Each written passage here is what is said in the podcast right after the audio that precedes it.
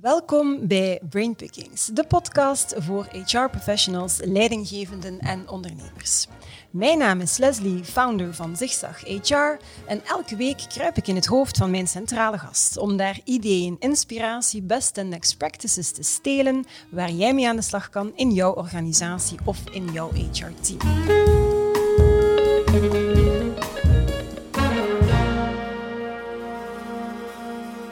Als HR-professional ben je ook maar beter beslagen in alles wat te maken heeft met sociaal recht en arbeidsrecht. En daarom kruip ik ook minstens één keer per maand in het hoofd van een van de advocaten of venoten bij Kluis en Engels. Kluis en Engels is marktleider in België als het aankomt op juridische HR-dienstverlening. En vandaag kruip ik in het hoofd van Bart Adriaans, de referentie als het gaat over sociale inspectie. Want dat is het thema waar we het in deze podcast zullen over hebben. Dag Bart, welkom. Dank u wel.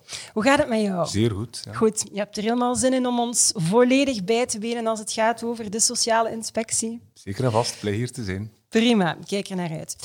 Er zijn een, uh, in totaal een twintigtal hè, verschillende sociale inspectiediensten in ons land. Hè. Sommige federaal, sommige regionaal. Kan jij zo de, de belangrijkste sociale inspectiediensten oplijsten en misschien toelichten wat hun doelstellingen zijn? Wie zijn ze, wat doen ze en, en misschien wat zoeken ze? Er zijn heel veel vragen ineens, maar geen enkel probleem. Uh, je hebt eigenlijk als werkgever of als ondernemer ga je min of meer met vijf belangrijke inspectiediensten te maken krijgen. Mm -hmm. De eerste is de toezicht op de sociale wetten, ook wel eens de arbeidsinspectie genoemd. De tweede is de RSZ-inspectie, die afhangt van de parastatale RSZ. En dan eigenlijk toezicht welzijn op het werk, die mm -hmm. naar preventie gaat. Dat zijn de drie grote federale inspectiediensten. Maar daarnaast heb je ook de RVA-inspectie, die afhangt van de parastatale omdat nu eenmaal in België elke parastatale zijn eigen inspectiedienst heeft, ook het RISIV heeft dat, maar ook mm -hmm. de, de rechtstoriale vakantie heeft dat. Dus alle parastatalen hebben hun eigen inspectiedienst. Ook de, de zelfstandigen hebben dat. Uh, en daarnaast heb je eigenlijk ook nog een regionale inspectiedienst, de Vlaamse Sociale Inspectie. Mm -hmm. En dat gaat natuurlijk over de, de, de bevoegdheden voor arbeid die naar de regio's zijn gegaan, waarbij dat die inspectiedienst controles moet doen. Het gaat dan over arbeidskaarten, ja, ja. Uh, over uh, ter beschikkingstelling van personeel, uitzendarbeid en dergelijke meer.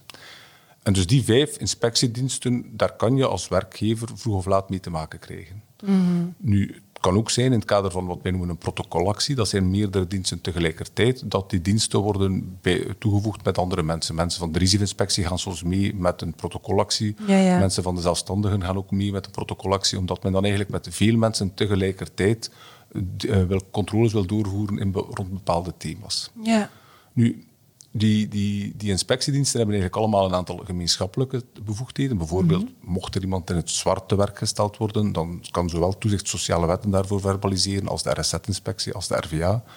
Maar meestal hebben die duidelijk onderscheiden bevoegdheden. Mm -hmm. Belangrijk daarbij is bijvoorbeeld dat toezicht sociale wetten, de grote inspectiedienst, de arbeidsinspectie ook wel genaamd, dat die eigenlijk gaat vertrekt van de werknemer. Die zegt van, ik ga controleren als inspectiedienst of de werknemer alles ontvangt waar hij recht op heeft. Krijgt hij ja? zijn correct loon? Worden zijn overuren uitbetaald? Hoe zit dat met zijn vakantiegeld, zijn feestdagenloon en dergelijke meer? Zit hij in het juiste paritair comité? Mm -hmm. Heeft hij de juiste functieclassificatie? En dus die gaan vertrekken van eigenlijk, ik kijk of de werknemer correct betaald wordt. Ja. De RSZ, die interesseert daar veel minder in. Die RSZ zegt nee, nee, ik kijk of dat de staat, de RSZ, de parastatale, het geld binnenkrijgt waar ze recht op heeft. Betaalt u op alle voordelen RSZ? Betaalt u op alle loonelementen RSZ? Als ik u een korting geef van de RSZ voor oudere werknemers, eerste aanwerving enzovoort, is dat wel terecht? Is dat mm -hmm. geen omzeiling? Dus die vertrekken eigenlijk van het geld, niet zozeer van krijgt de Belgische staat in het kader van de RSZ het geld waarop men ja. recht heeft.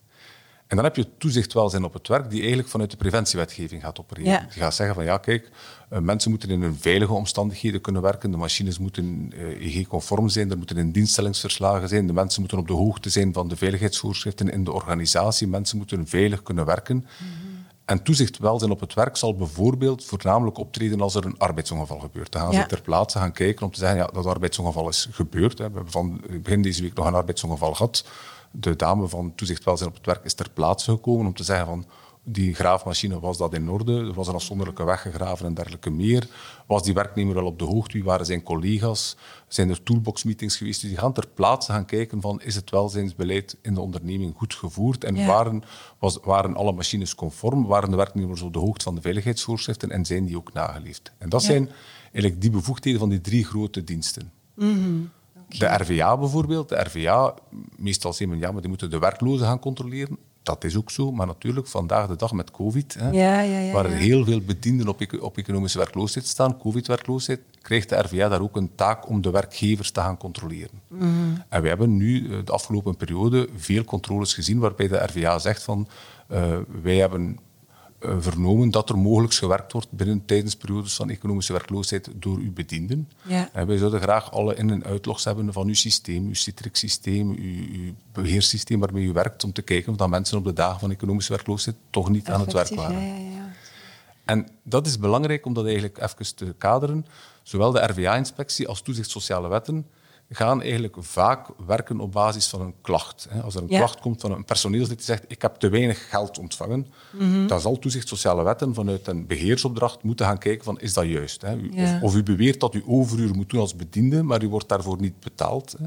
Dan zullen zij vanuit een beheersopdracht zeggen wij moeten dat controleren of dat klopt. Mhm. En uiteraard zullen ze niet alleen die ene bediende controleren, maar zullen ze gans uw organisatie controleren. ja, Want zij kunnen niet zeggen wij komen op basis van klachten van een van uw bedienden, dus zij komen zogezegd anoniem om alles te onderzoeken Ja. en uiteraard wordt diplomatiek onderzocht. En je ziet dat ook bij de RVA, de klachten bij de RVA die er nu bijvoorbeeld zijn rond COVID, dan zie je dat men eigenlijk heel precieze informatie dikwijls heeft. Men kijk, men- men schrijven Ja, een mail en ze ja. zeggen wij zouden graag van uw beheerssysteem waarmee u werkt, dat is dat systeem, zouden wij graag van die periode tot die periode alle inlogs hebben. Mhm.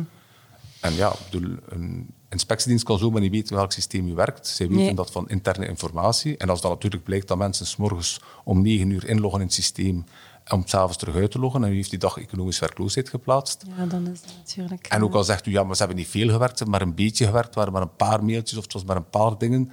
De bewijslast is op dat ogenblik omgekeerd. En u Ja. zal moeten bewijzen, want dat u, eigenlijk mag u niet werken tijdens periodes van werkloosheid. Ja, absoluut.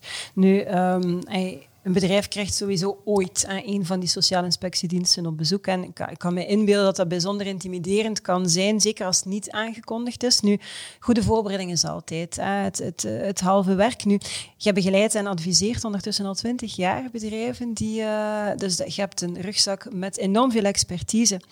Als ik even in die rugzak mag kruipen, hoe kunnen mensen zich dan zo, ja, zo goed mogelijk voorbereiden op, op, op, een bezoek? Eh, Hoe, hoe, verloopt zo, voor de mensen die aan het luisteren zijn of aan het kijken zijn, die nog nooit zo'n bezoek hebben gehad, hoe verloopt dat dan? Hoe, hoe krijgt dat vorm? Je hebt eigenlijk twee vormen van onderzoek. Je hebt eigenlijk de aangekondigde controles, bijvoorbeeld de RSZ, omdat die vertrekken van alles wat toch beschikbaar is. De RSZ zal u een brief sturen, een klassieke brief, waarin men zegt van kijk, wij zullen bij u langskomen, bij voorkeur binnen twee weken op die dag, en gelieve ter onze beschikking te houden volgende documenten. En men zal u Ja. oplijsten wat men allemaal niet nodig heeft, u, alle, alle loonfiches van uw personeel, uw individuele rekeningen, het arbeidsreglement, overzicht van de kostenvergoeding, het aantal wagens, en men zal dat oplijsten. Dus u kan zich daarop voorbereiden Ja. omdat de RSZ vertrekt van de gegevens die toch beschikbaar zijn in de organisatie. Ja. als, u, als u cadeaus heeft uitgedeeld aan uw personeel, eh, zomaar, zonder dat er een bijzondere gebeurtenis voor is, dan zal men die terugvinden in de boekhouding. Mhm, die zullen geboekt zijn, misschien onder de 623-rekening, overige personeelslist. En men zal zeggen, wat is dat hier? Hè? Ja. En dat gaat soms zeer ver. Hè. Ik kan een voorbeeld geven. Men, als men bijvoorbeeld kijkt van u heeft een Sint-Niklaasgeschenk gegeven, 35 euro, nu 40 euro. Maar in concreto had ik dat in een dossier waar men zei 35 euro. En men zei, ja, we hebben een cheque gegeven van 35 euro voor al onze personeelsleden. Dat was een speelgoedwinkelketen. En men zei, ja, maar, ja, maar goed, je hebt daar ook nog, de mensen hebben daarbij ook nog een chocolade Sint-Niklaas bij gekregen. Ja. Dus die chocolade Sint-Niklaas was een grote, kostte 1 euro. Dus eigenlijk hebben de mensen een voordeel gekregen van 36 euro. Dus je voldoet niet aan de wettelijke voorwaarden en wij verwerpen alles. Zo kan de RSZ te werk gaan. Dat, Ja. is, heel, heel, dat is heel streng. Heel streng, ja. Ehm, recent nog met iemand die een fles wijn bijgegeven had. Dan zie ik, kijk, bij uw check heb je ook een fles wijn gegeven. Daardoor verschrijdt je het maximumbedrag. Ja. Dus dat is wel... En zij vertrekken van die gegevens en zij zien natuurlijk bij overige personeelskosten, zien zij staan die cheque, die 623. In uw grootboekrekening heb je een post overige personeelsleden kosten niet onderworpen aan RSZ. En zij zien daar ook die chocolade uh, Sint-Niklaasen of, yeah. of wijn staan. En als zij de link leggen, dan zullen zij zeggen, voor ons voldoet je niet aan de voorwaarden. Dus dat is een vrij strenge dienst, de mhm. omdat die zeggen, wij zitten met strikte instructies en als u zich daar niet aan houdt, moet u ook strikt optreden. Ja. Recent bijvoorbeeld, vandaag de dag, de RZ-inspectie doet ook controles op de warrants. De warrants om te zeggen, ja, je hebt warrants toegekend, 20% bewezen een keer dat je aan die voorwaarden voldoet. Mm Dat is iets dat in het verleden niet voorkwam. Dus dat is eigenlijk bij een bij een aangekondigd bezoek. Dat is het aangekondigde bezoek. En dat is eigenlijk makkelijk. Bij een aangekondigd bezoek kan je je voorbereiden, je kan alles klaarleggen. Je kan een keer vragen aan uw sociaal secretariaat, uw raadsman, mm degene die je sociaal begeleidt, om te zeggen... Is Check eens wat er eventueel... Ja, ja. Wij moeten daar vaak als advocaten snel doorgaan. En dan zeggen we, ja, hier die 623, al die cadeaus, vijf jaar, tien jaar anciëniteit. De RZ kent dat niet. De RZ kent al 25 en 30 jaar. dus dat zal een probleem hebben. Dus we kunnen daarop wijzen waarbij dat je dan kunt kijken welke positie gaan we innemen. Mm Je kan ook de klant voorbereiden op bepaalde dingen. Om te zeggen, kijk, daar zou je beter niet over discussiëren. Of je forfaitaire kosten zijn mooi onderbouwd. We gaan dat verdedigen. We gaan dat doen aan de hand van de criteria van de RSZ. Mm Bij een razzia, men, men, heeft dat woord niet graag bij de inspectie. Een razzia is elke vorm van onaangekondigd bezoek. Men staat... dat wordt zo genoemd ook. Ja, dat noemt een razzia. Men, men zegt niet dat men zal komen en plotseling mhm komt men binnen met meerdere mensen tegelijkertijd. het doel van de razzia is om u te verrassen. Hè? Om u te verrassen en eigenlijk informatie te bekomen die men niet zou krijgen mocht men zich aankondigen. Hè? Het meest extreme voorbeeld daarvan is uiteraard zwart werk. Als, mhm. als, men gaat zeggen, we gaan u gaan komen controleren, zal er uiteraard iedereen ingeschreven zijn. ja. Maar, maar, maar, het gaat ook verder. Hè. Razzia's hebben ook tot doel om binnen te vallen en bijvoorbeeld uw tijdsregistratie mee te nemen.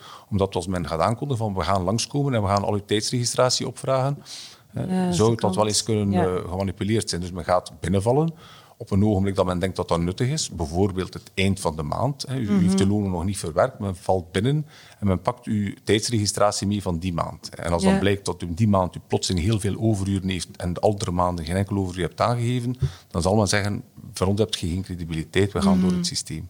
Dus de razzia heeft tot doel om je te verrassen en documenten mee te pakken. Dat gaat van, van als je met vrachtwagens rijdt, tot van, van de tachograafschijven, maar ook de digitale tacho's, tot je eh, priksystemen, maar ook tot allerlei documenten die men meent te moeten aantreffen in uw organisatie.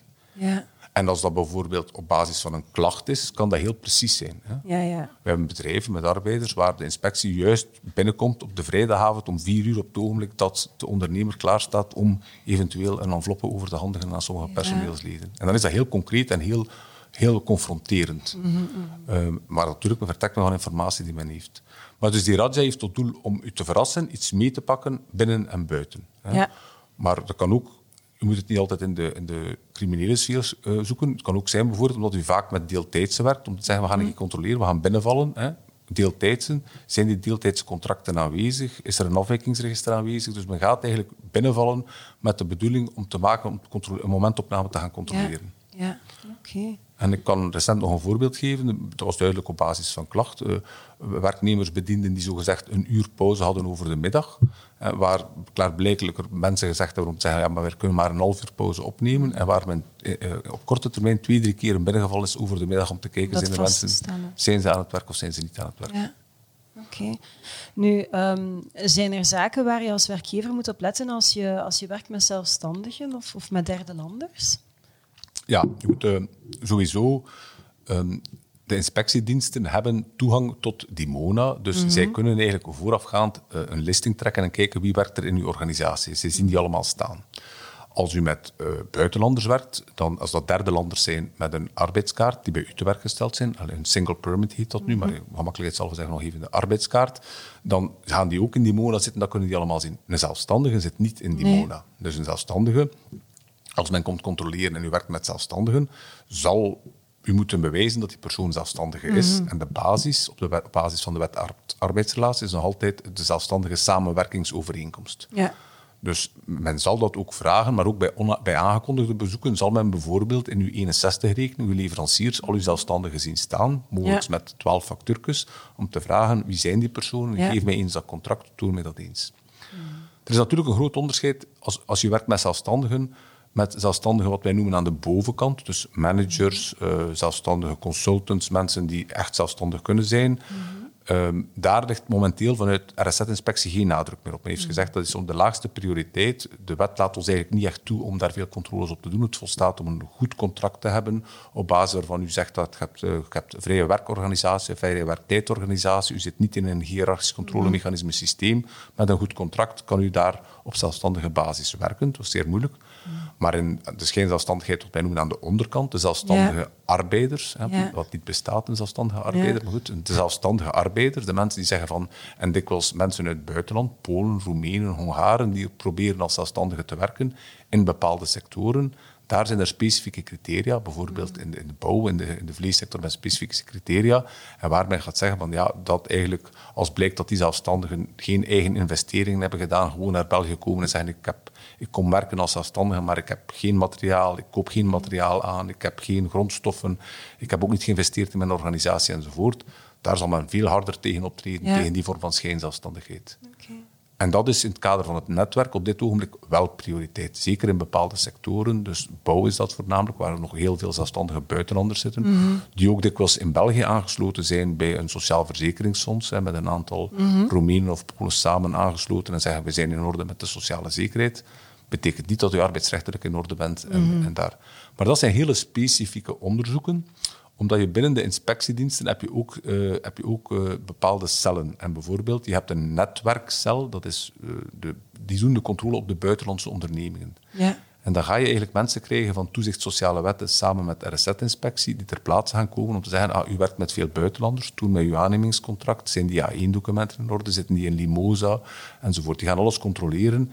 En als dan blijkt dat dat zelfstandigen zijn, zal men de mensen ondervragen, want dat zal ook mhm. gebeuren aan een klassiek vragenlijstje, eventueel meestal met een tolk, hè, de netwerk met, met een tolk, om de mensen vragen te stellen. Waarbij men de vraag zal stellen, oké, eh, u bent hier op de werf aanwezig, u bent zelfstandige, is dat hier uw materiaal? Nee, u heeft de stenen niet aangekocht, u heeft dus uw niet aangekocht. Op uw, op uw camionet staat er geen uh, eigen website of geen eigen merkteken. En dan heb je geen eigen aankoopbeleid. U werkt maar voor één klant, u heeft geen eigen personeel. Dan zal men zeggen, kijk, op basis van de bevraging van de zelfstandigen zijn we van oordeel dat het niet kan. Dus er is een groot onderscheid op dit ogenblik tussen schijnzelfstandigheid aan de bovenkant en aan de onderkant. ja.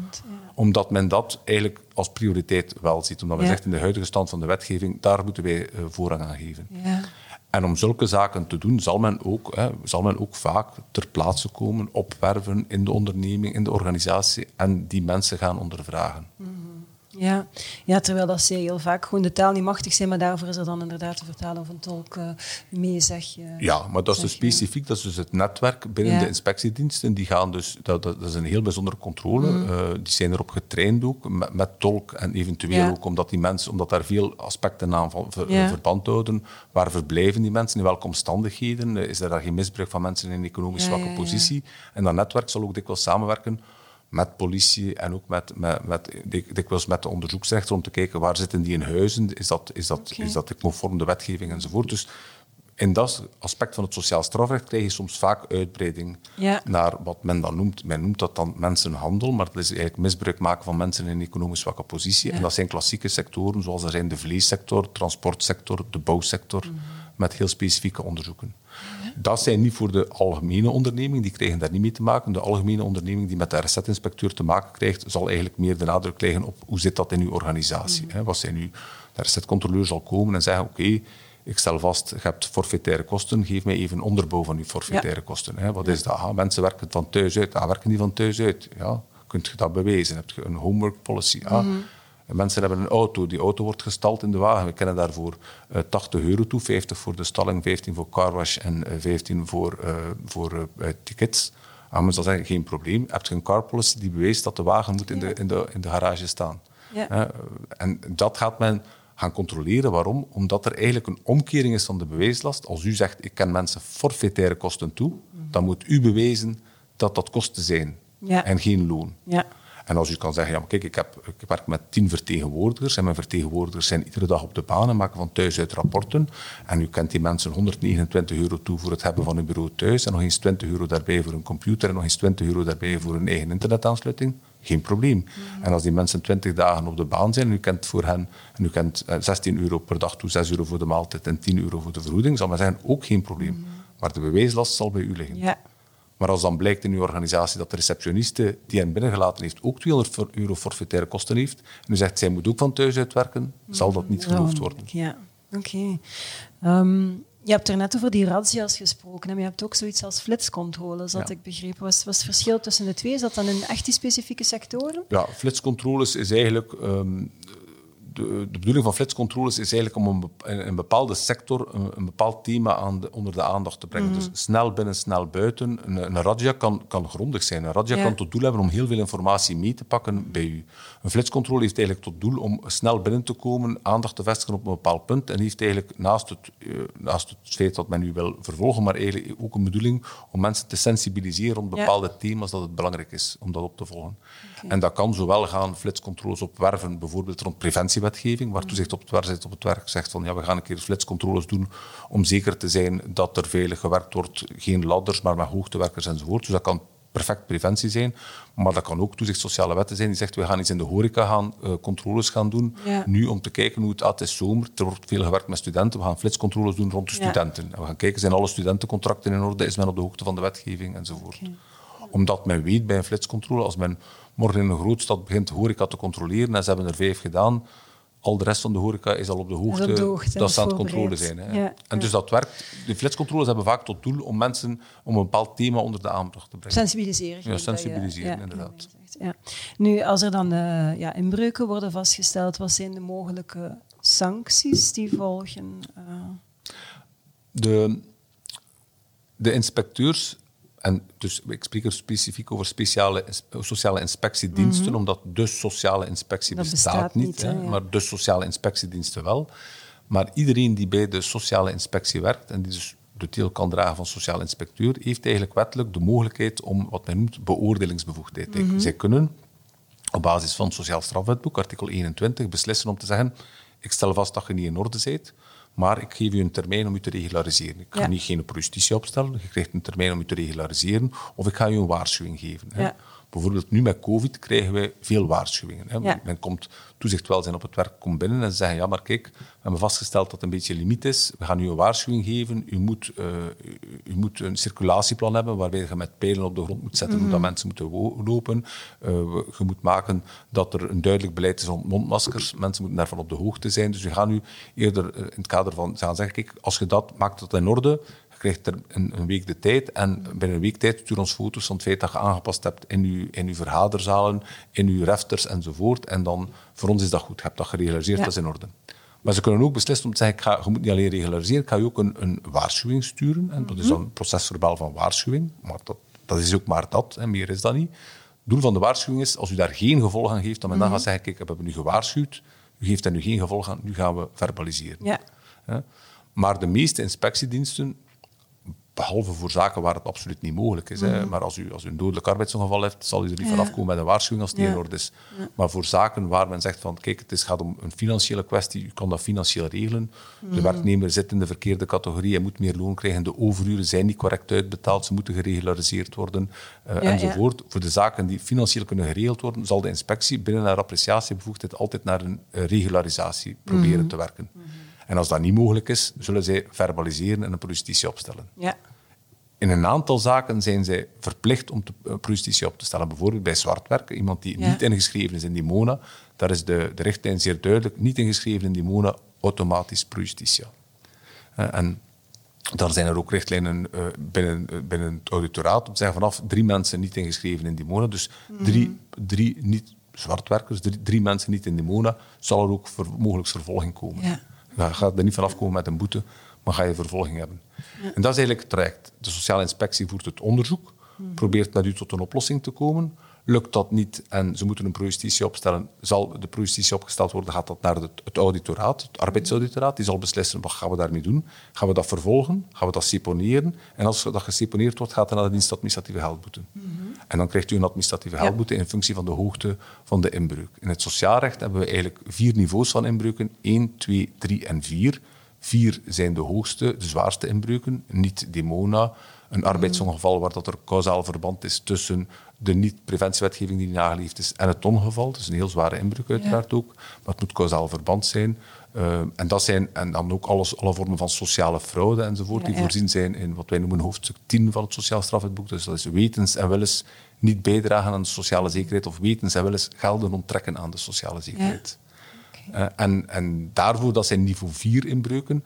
Daarop staan de strengste straffen, zijn de gevangenisstraffen van zes maanden tot drie jaar en een geldboete van 4.800 euro tot 48.000 euro per werknemer.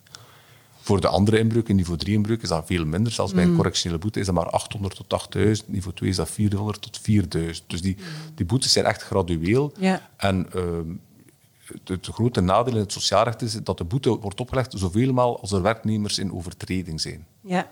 Dus je kan een vrij lichte inbreuk hebben. Maar als je veel werknemers hebt, kan, kan dat dan oplopen. Ja, En vandaar dat dit wel een stok achter de deur is van de inspectie om te zeggen, als je niet gaat meewerken en als je niet gaat regulariseren, gaan wij verbaliseren voor al uw werknemers. Ja, ja. En dan is er meer bereidheid om mee te werken. Ja, het is niet, altijd, een, het is niet altijd grote projustities met veel werknemers die er met naam en toenaam en uh, rijksregisternummer in moeten, is niet altijd een cadeau voor de inspectie ook niet. Hè, maar. maar dus dat zijn de stappen die men kan doen oftewel een waarschuwing geven, eerst in eerste instantie proberen mhm. te regulariseren zonder waarschuwing, een waarschuwing geven of een projustitie opstellen. Ja. Als de projustitie opgesteld is, gaat het naar het auditoraat, ja. is het auditoraat daarbij beslist. Als de auditeur zegt, ik vind die feiten ernstig genoeg, u, werkt, u heeft vijf mensen niet ingeschreven uh, in de sociale zekerheid, of u heeft schabouwelijk misbruik gemaakt van uw economische werkloosheid hier tijdens de mhm. covid, terwijl je al de mensen hebt laten werken, ik ga daar een voorbeeld rond stellen, ik ga u vervolgen, ja. dan vervolgt men correctioneel voor een speciale sociale strafkamer. Dus een, correctioneel, maar voor een speciale sociaalrechtelijke kamer, mm gaat de auditeur u dagvaarden, ja. rechtstreeks dagvaarden. En hij kan meestal dagvaarden zowel de onderneming als de persoon die hij verantwoordelijk acht. Dat kan de gedelegeerd bestuurder zijn, maar dat kan ook de directeur zijn. Ja. En dan moet u zich persoonlijk correctioneel gaan verantwoorden voor sociaal-rechtelijke inbreuken in het sociaal strafrecht. Best ingrijpend. Nu, um je hebt al een aantal keer de link eh, gelegd naar, naar, naar COVID-19. Dus naast die klassieke controles die er nu zijn op naleving van arbeidswetten, collectieve arbeidsovereenkomsten, ja, kunnen bedrijven zich vandaag ook verwachten inderdaad aan specifieke checks. Naar, uh, om te kijken van uh, hoe zit met de opgelegde coronamaatregelen? Worden die hier ook um, gevolgd? Je hebt al een aantal aandachtspunten aangehaald. Kunt u ze nog eens oplijsten wat de belangrijkste zaken zijn waar ondernemingen toch rekening moeten mee houden? Ja, dus ja, enerzijds heb je de toezicht welzijn op het werk, die alles vanuit de preventie gaat, mhm. die aanvankelijk bij het begin van de coronacrisis heel streng was. De bedrijven die open bleven, hè, was men super streng. Zelfs mhm. de, de, voedingsbedrijven die mochten open blijven enzovoort, was men super streng omdat er was veel, waar ook, ze kregen ook veel klachten binnen van mensen die zeiden het is hier niet veilig of, of mhm. de, de, de, partners van die mensen die zeiden mijn man of mijn vrouw moet gaan werken en het is daar niet veilig. En er kregen daar heel veel klachten. En zag je dat ze vaak, en dat was toen heel innemend, hè, men stuurde u een mail om te zeggen van kijk, we hebben indicaties dat het bij u niet veilig is, want men kwam toen niet ter plaatse. En gelieve ons binnen de vier uur volgende gegevens door te sturen, foto's van uw, uw, uh, uw, uh, uw refter bijvoorbeeld, om te mhm. tonen dat er plaatsen, uh, foto's van de organisatie, welke maatregelen dat genomen hebt, een overzicht van alle maatregelen dat je genomen had. En dan moest je dat opsturen waarbij men eigenlijk bijna een dwangbevel uitvaardigde. Ja. Want men zei, kijk, het is op basis van artikel 43 en volgende van het Sociaal Strafwetboek. En toezicht welzijn op het werk heeft eigenlijk een specifieke bevoegdheid die andere mensen van de inspectie niet hebben. Zij kunnen, als zij voelen dat een organisatie niet veilig is, kunnen zij zeggen, u moet daarmee stoppen. Ze kunnen een bouwwerf stellen om te zeggen, het is niet veilig. Ja. Bouwwerf wordt verzegeld, u mag niet verder gaan. Maar ze kunnen zelfs in COVID, en dat is gebeurd, in één bedrijf die ik ken in West-Vlaanderen is dat bijvoorbeeld gebeurd, hebben ze gezegd, wat u daar doet, het is niet veilig, u kan de 1 meter afstand niet garanderen, u mhm. bent geen noodzakelijk bedrijf, uh, uh, er zijn verschillende klachten gekomen. Ja. We bevelen dat het bedrijf moet stoppen met werken op die manier. Mhm. Dus zij kunnen in die omstandigheden ver gaan. Zij zullen dat niet altijd doen en zeker niet onaangekondigd, maar dat is een bevoegdheid die zij wel hebben. hebben. Ja. En als u dus van toezicht welzijn op het werk vandaag een dwangbevel krijgt, zoals er bijvoorbeeld op dit ogenblik een aantal zijn in de, eh, in de slachthuizen, in de vleesindustrie, omdat er een aantal gevallen gesignaleerd zijn van COVID, hebben vele slachthuizen en vele uh, bedrijven een uh, dwangbevel gekregen om te zeggen, kijk, we hebben vastgesteld dat het niet veilig was, uh, je moet volgende maatregel nemen. En dat gaat heel streng. En mm je krijgt een termijn om dat te doen. En dat gaat, van, uh, dat gaat van uiteraard maken dat al het personeel, ongeacht de taal die men spreekt, op de hoogte is van de veiligheidsvoorschriften, van het noodzaak van een mondmasker, van de controle op de mondmaskers mm enzovoort. Hè. Waarbij dat je dan in een slachthuis werkt met uh, Roemenen, Bulgaren, Hongaren, uh, Polen enzovoort. En je moet maken dat iedereen in, in, dat voor hem toegankelijke taal begrijpt. Hè. En, en zo krijg je eigenlijk, legt men nu als werkgever een aantal verplichtingen op om na te leven met de melding, als u zich daar niet aan houdt, kunnen wij zo ver gaan tot zelfs uw bedrijf stop, stil te zeggen. Mm Dat is specifiek voor toezicht welzijn op het werk. Uh, waar dat niet altijd zo drastisch is, maar als je dan een aantal, je ziet dikwijls dat men op basis van, hè, paar weken geleden was het op basis van het feit dat er in, eerst in Duitsland een groot geval was in een groot slachthuis, dat men in België zegt je moet de slachthuizen controleren. Op dat ogenblik komt er in België ook een, een, mhm. een, corona-issue bij een groot uh, uh, verliesverwerkend bedrijf en dat alle bedrijven dan controles krijgen daarop. Mhm. In die sector. Hè. Ja, ja, ja. Oké. Ehm, nu, in bepaalde sectoren, misschien tot, uh, tot slot om, om, om um, deze podcast af te ronden. In bepaalde sectoren is het sowieso heel moeilijk hè, om personeel te vinden. En daarom werken toch heel wat organisaties ook met buitenlandse onderaannemers. Wat zijn hier um, de aandachtspunten en eventueel ja, de gevaren? Want dat lijkt mij toch bijzonder complex. Het is complex hè? en het wordt uh, nog complexer. Juridisch gezien kan je zeggen van oh, geen probleem. Uh, we zitten in Europa, er is vrij verkeer mm -hmm. van uh, diensten en vrij verkeer van arbeid. Dus je mag vanuit het buitenland diensten komen aanbieden in België, maar je moet een aantal regels respecteren. De grote problematiek hier is om te vragen van ja, oké, okay, ik ga beroep doen op onderaannemers om voor mij een deeltaak van het werk te doen. Maar is dat wel onderaannemer? Is dat wel nog mm. onderaanneming? Is dat personeel niet gemengd met uw eigen personeel? En vanaf dat je dat doet, zit je in de problematiek van de verboden ter beschikkingstelling. Mm En dat is dan een bevoegdheid bijvoorbeeld voor de Vlaamse Sociale Inspectie, maar ook voor de RSZ, die eigenlijk zegt van eigenlijk is dat dan wel een rechtsgeldige detachering. En daar heb je allerlei hele complexe gevallen rond. Hè. Um, vandaag de dag zien we vast dat er heel veel derde landers via de detachering binnenkomen in ons land. En dat gaat voornamelijk in sectoren zoals de bouw, maar ook de metaal, de schoenmaakindustrie mm -hmm. enzovoort.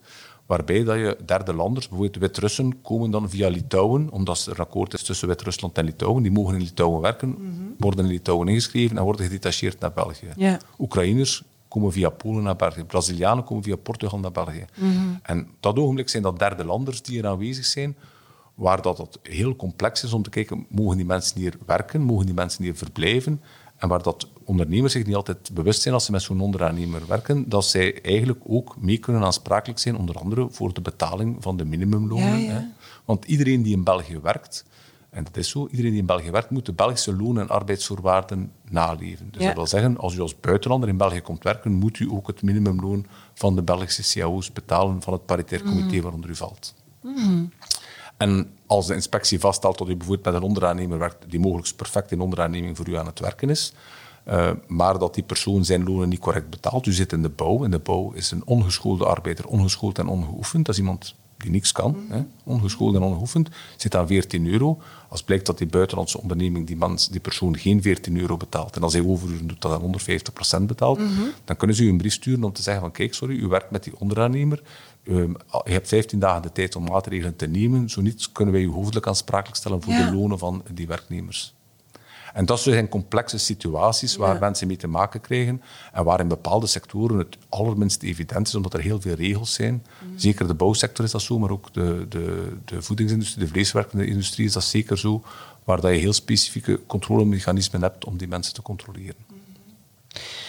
Oké, okay, ik, um, blijf het een, een, een, heel, ja, een heel complexe uh, materie vinden. Wat ik vooral onthoud is dat het heel belangrijk is om goed voorbereid uh, te zijn en u te laten adviseren door mensen met, met verstand van zaken. Zijn er bepaalde aspecten, Bart, die wij doorheen deze podcast uh, niet, niet hebben aangeraakt, zodat je zegt van dat is toch ook wel iets, iets belangrijks dat ik vanuit mijn ervaring wil meegeven aan mensen die luisteren of kijken? Zo'n aantal tips zijn eigenlijk, je moet je, als bedrijf moet je eigenlijk voorbereid zijn dat vroeg of laat de inspectie bij je langskomt. Mm En dat betekent eigenlijk gewoon dat de persoon aan de receptie moet weten, als er iemand van de mhm. inspectie doet, wat moet ik doen? Mag ik die zomaar binnenlaten? Moet ik de baas roepen? De, de, persoon moet instructie geven. Hè. Vaak lopen er mhm. dingen verkeerd, zodat mensen niet weten wie die inspectiediensten zijn. Die staan daar zomaar, wat mogen die? Dus dat er duidelijk is van wie zijn die inspectiediensten. Maak dat de mensen die het onthaal doen in uw bedrijf, de eerste die die moet opvangen, dat hij op de hoogte is om te zeggen, oké, het is inspectie, ik ga de HR-manager bellen, ik ga de boekhouder bellen, ik ga die persoon bellen en die weet wat hij moet doen. Dat is, dat is heel, heel belangrijk. Twee, u moet weten dat alles wat in uw bedrijf aanwezig is, kan gevonden worden. hè. En alles wat u bijhoudt van zichzelf, zij mogen in uw bedrijf zoeken, zij mogen dingen controleren. U moet eraan meewerken, werkt u daar niet aan mee, kunnen ze alles meepakken. Dus u moet eigenlijk ervan uitgaan dat alles wat u registreert, bijhoudt, elektronisch bijhoudt in uw organisatie, dat het ook kan gebruikt worden tegen u. Dus Ja. zich daarvan bewust zijn dat, dat, dat alles kan gevonden worden en op het ogenblik dat het verkeerd loopt ook zal gevonden worden. Dus dat is natuurlijk heel belangrijk. Maar belangrijk is ook dat u als ondernemer ook bepaalde rechten hebt. Hè. Ja. Als, u ver- als u verhoord wordt in het kader van, van als men uw verklaring wil afleggen, heeft u ook bepaalde rechten. U verklaart, het is uw verklaring, u bent, eigen, u bent baas van uw verklaring. Wat u zegt moet genotuleerd worden zoals u dat zelf wilt. Maar het grote punt is, eh, bij uw personeel is dat niet altijd zo. Hè. Uw personeel wordt gehoord als getuige. Dus als men aan personeelsleden vragen stelt, is dat veel vrijblijvender. Ja. Eh, en dus eigenlijk, een tip is algemeen om te zeggen, zeker en vast, allee, als, als inspectie komt, maak dat de verplichte documenten, uw arbeidsreglement, uw deeltijdscontracten, uw studentencontracten altijd klaar liggen, dat die persoon die hen moet ontvangen dat weet om te zeggen, oké, je bent de arbeidsinspectie, hier is het arbeidsreglement, dat zijn onze deeltijdse uurroosters en contracten, dat zijn onze studentencontracten, dat is er. En als er bijkomende vragen zijn, dat die persoon weet, oké, dan moet ik vragen aan de boekhouder, dan moet ik vragen aan de HR-dienst, daar gaan we ons verder moeten informeren. Ja. En dat die persoon duidelijk instructie heeft. Om te vermijden dat de inspectie zomaar om het even wat en om het even wie Ja. gaat vragen. Oké. Ik denk dat dat heel waardevolle tips zijn in ieder geval om, om mee te nemen. En misschien zelfs vooral die allereerste tips, want het begint heel vaak bij, bij ja, als, als de persoon die het als eerste in contact komt met die sociale inspectiediensten, als die helemaal uit de lucht valt en niet weet hoe of wat, ja, dan kan het daar eigenlijk al... Die moet gewoon weten wat de procedure is. Wat moet ik doen? Eh, wie moet ik verwittigen? Ehm, ja, Zeker en vast, omdat vergeet ook niet, die mensen van de sociale inspectie, dat is een beroep. Hè. Zij Ja. doen dat dagelijks, Ja. zij zijn daarin getraind. Ja. Zij weten ook, zij hebben ook dikwijls voorinformatie. Hè. Voor zij naar uw bedrijf gaan, Mhm. Ja. hebben zij mogelijk op basis van de informatie die ze gekregen hebben via een klacht of via wat dan ook al Ja. voorinformatie verzameld. Ze hebben naar uw website gekeken, ze weten wat u doet. Ze komen, en dat komt dikwijls zeer, zeer intimiderend over. Ook al is dat informatie die misschien publiekelijk, die u zelf publiekelijk op uw website zet. Hè. Mhm. Maar zij, zij weten een aantal dingen, ze zijn voorbereid en ze komen en ze stellen heel co- concreet en gerichte Ja. vragen. En u zegt, oei, die zijn niet van alles op de hoogte. ja, ja. Dus het kan heel intimiderend Dat overkomen. kan intimiderend overkomen. kwestie. Zeker bij die aangekondigde bezoeken ga je dat niet hebben, daar heb je voorbereid. Maar zeker die onaangekondigde Mhm. Ja. bezoeken, waar men plotseling binnenkomt met veel mensen. Ja. En De inspectie zegt altijd, ja, het is maar onze job dat wij doen. Dat is ook juist. Maar dat is wel voor de ondernemer die plotseling de mensen Ja. overal ziet binnenkomen en binnenstormen met vijf, zes tegelijkertijd, soms Ja, tot tien tegelijkertijd. Is dat zeer intimiderend en is dat zeer confronterend ook. Absoluut. Oké. Dankjewel Bart. Ik vond, eh, ik vond het extreem helder. Ook met een aantal heel concrete voorbeelden dat we ons daar een heel goed eh, beeld kunnen bij vormen van eh, het, het hoe en het wat. Ehm, als mensen nog extra informatie willen, ik veronderstel dat ze op de website terecht kunnen van Zeker Kluis en Engels, dat ze ook contact mogen opnemen met jou daarvoor Zeker of met een van de medewerkers. Ehm dankjewel dat ik in, jou, eh, in jouw hoofd mocht kruipen vandaag. Dankjewel ook aan, eh, aan jullie om te luisteren of om te kijken. Ehm, vond je deze podcast interessant? Abonneer je dan zeker en vast op dit kanaal en weet dat wij elke maand in het hoofd kruipen van een van de advocaten of venoten van Kluis en Engels, zodanig dat jij als HR-professional ook beslagen bent in alles wat te maken heeft met sociaal recht en arbeidsrecht. En vooral, don't forget, it's a great time to be in HR. Tot de volgende!